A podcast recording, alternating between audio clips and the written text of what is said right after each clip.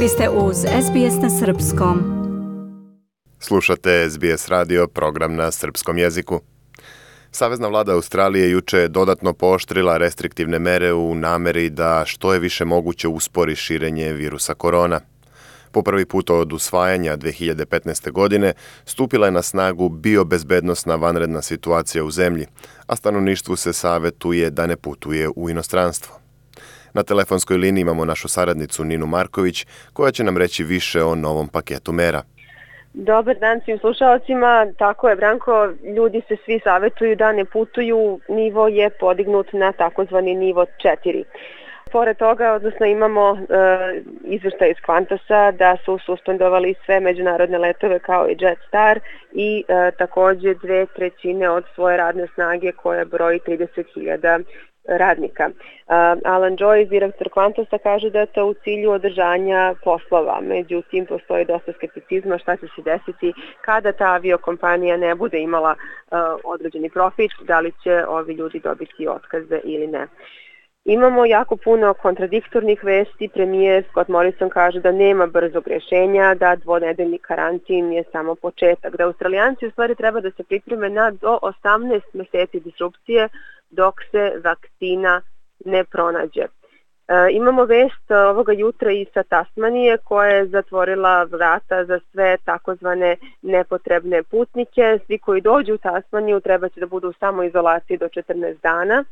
Ukoliko se to ne poštuje, mogu da te osobe dobiju 6 meseci zatvorske kazne ili da plate 16.800 dolara. Za sada znamo da je broj slučajeva skočio najviše u Južnom, Novom Južnom Velsu, od eh, juče samo broj bio 596 slučajeva, ali upravo premijerka Novog Južnog Velsa daje pres konferenciju, imamo još 40 novih slučajeva preko noći. Takođe, u Melbourneu je velika kriza sa kruzerima. Takozvani kruzer Zlatna princeza se nalazi u, u, u Melbourneu sa 2000 putnika. Oni ne mogu da izađu sa, sa ovog broda, mnogi od njih su bolesni. Oni su krenuli putem Novog Zelanda, međutim kruzer se vratio na pola puta i sada se, za sada su u limbu. Ne mogu da izađu, a su ti koji su bolesni ne znamo na koji način će njima biti ukazana pomoć. Takođe imamo i naznake da će policija moći da primora one koji ne žele da budu u samoizolaciji svojim dodatnim merama. U Novom Južnom Velsu čak 20 agencija se bavi ovim velikim problemom sa COVID-19 virusom.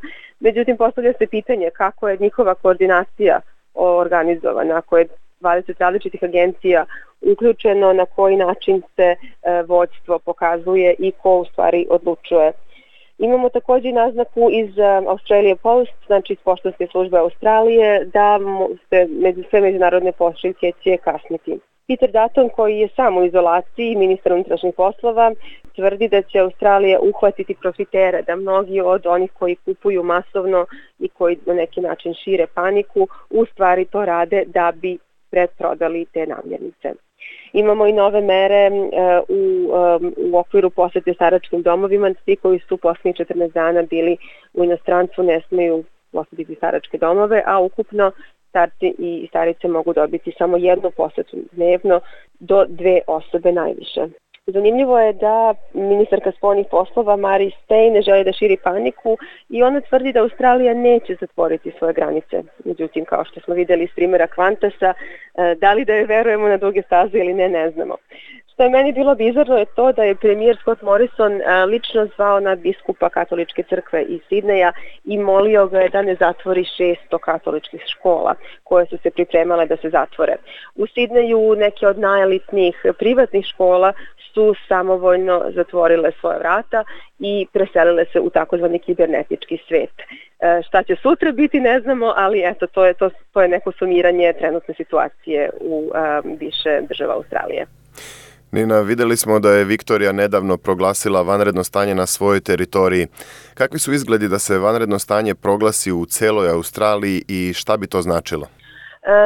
Sada se to ne očekuje, zbog toga eto vidimo iz primjera premijera koji mole da škole ostanu otvorene. Znači on za sada na neki način odbija da prihvati taj stav da potpuno zatvaranje će pomoći zato što on citira primjer Singapura. Za Singapur kaže da nije zatvorio škole i da to nije doprinalo većem širenju virusa. Tako da imamo različite poglede na ovaj problem i u okviru samog kabineta, ali premijer za sada Australije smatra da panika ne treba da raste. Međutim, vidimo da države i teritorije mogu da e, imaju dodatne zakone. Na primjer, severna teritorija ne želi više da ima posetilaca. Oni smatraju da su posebno osetljivi zbog e, velikog broja domorodačkog stanovništva za koje se smatra da su posebno pod pretnjom e, ovoga virusa. Naravno, njihova smrtnost je i mnogo veća u generalnoj populaciji, tako da oni žele da se zaštite time što bi zatvorili svoje granice. Da li će se to desiti, još uvek ne znamo. Nina, vrh države je poručio da pored državljana u Australiju mogu iz inostranstva da se vrate svi koji su na stalnim boravišnim vizama.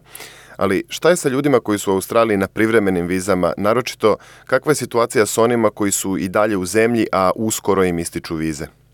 Vizni sistem se za sada nije promenio, znači nemamo neke velike promene u viznom režimu. Znači svi oni koji su na postojećim vizama mogu da se e, prijave za produžetak, na primjer, turističkih viza ili za takozvanu bridging vizu E.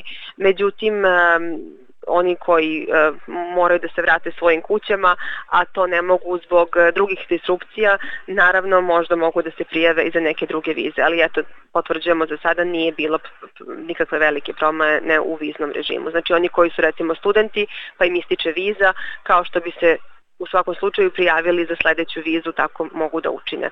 Problem se javlja sa studentima, najviše koji su u trenutnim, na trenutnim studijama, kojima ne ističu vize, ali koji zavise od pohađanja kurseva. Njima fakulteti moraju da nađu načina kako da e, njihovo prisustvo zabeleže, tako da je u stvari veliki problem trenutno na fakultetima. Naprimer, Macquarie univerzitet e, u Novom Južnom Velsu e, je e, privremeno zatvoren, znači odmor se pomerio na upravo ovu nedelju i sledeću umesto na aprilski uh, odmor da bi uh, upravo ti studenti koji moraju da pohađaju uh, preneli svoje studiranje online, ali mnogi fakulteti nemaju takve sisteme, na primjer Sidneyski univerzitet još uvek to nije rešio, tako da je velika razlika između različitih edukativnih institucija i još uvek nema konačnog odgovora. Nina, hvala na ovom iscrpnom izveštaju. Sigurno ćemo nastaviti da pratimo razvoj situacije oko virusa. Bila je to Nina Marković, naša saradnica. Želite da čujete još priča poput ove? Slušajte nas na Apple Podcast, Google Podcast, Spotify ili odakle god slušate podcast.